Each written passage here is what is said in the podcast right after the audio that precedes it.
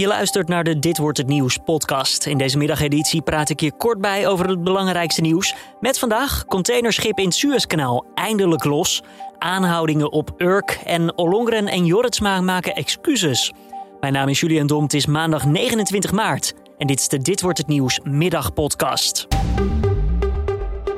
Het blokkeerschip is los.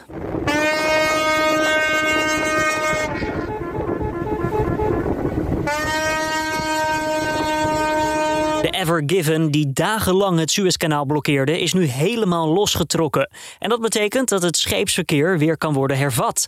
En dat werd hoog tijd, want de route is van groot belang voor de wereldhandel. De BBC die rekende het nog eventjes uit. De blokkade die zou zo'n 340 miljoen euro per uur hebben gekost. Ex-kabinetformatieverkenners Ollongren en Jorritsma die nemen de volledige schuld op zich voor het geblunder met de uitgelekte aantekeningen. In een brief aan de Tweede Kamer bieden ze hun excuses aan.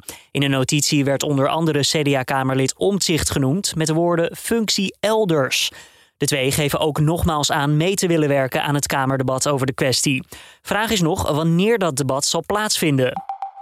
In de ziekenhuizen is de bezetting weer toegenomen. Op de IC's zijn er sinds gisteren 20 patiënten meer opgenomen dan ontslagen.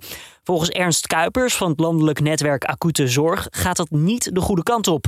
Dat zei hij tijdens een persmoment. En met dat de aantallen weer stijgen, we hebben vorige week ook kenbaar gemaakt dat wij het aantal IC-bedden weer verder zullen opschalen van 1350 naar 1450. Betekent dat ook dat dat voor een deel ten koste gaat van de reguliere zorg? Wel zegt Kuipers dat alle acute zorg nog geleverd kan worden. Ook het aantal besmettingen loopt op. Tussen zondagochtend en maandagochtend zijn er 6824 positieve tests gemeld bij het RIVM. De politie op Urk heeft twee mannen van 26 en 28 aangehouden voor het mishandelen van een journalist van Ponet gisteren bij de Sionkerk. Ze hebben zichzelf vandaag gemeld bij de politie.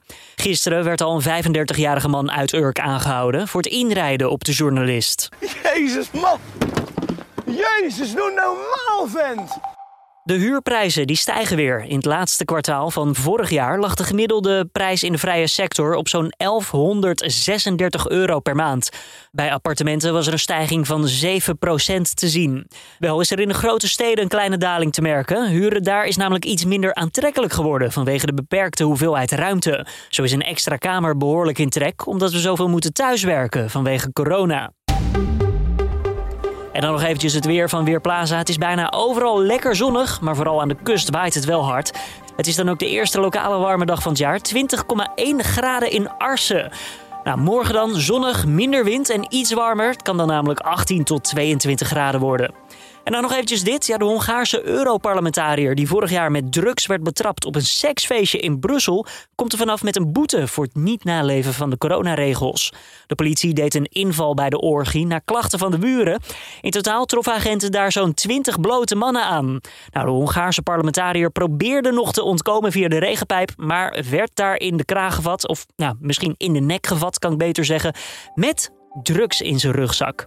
Maar hij zei zelf: die drugs zijn niet van mij en aan onderzoek kon dat ook niet worden aangetoond. En dit is dan de Dit wordt het nieuwsmiddag podcast van deze maandag 29 maart. Tips of feedback zijn zoals altijd welkom via het bekende adres podcast.nu.nl. Mijn naam is Julian Dom. Ik wens je voor nu een fijne maandag. Morgenochtend is mijn collega Carne van der Brinken weer met het nieuws van dan.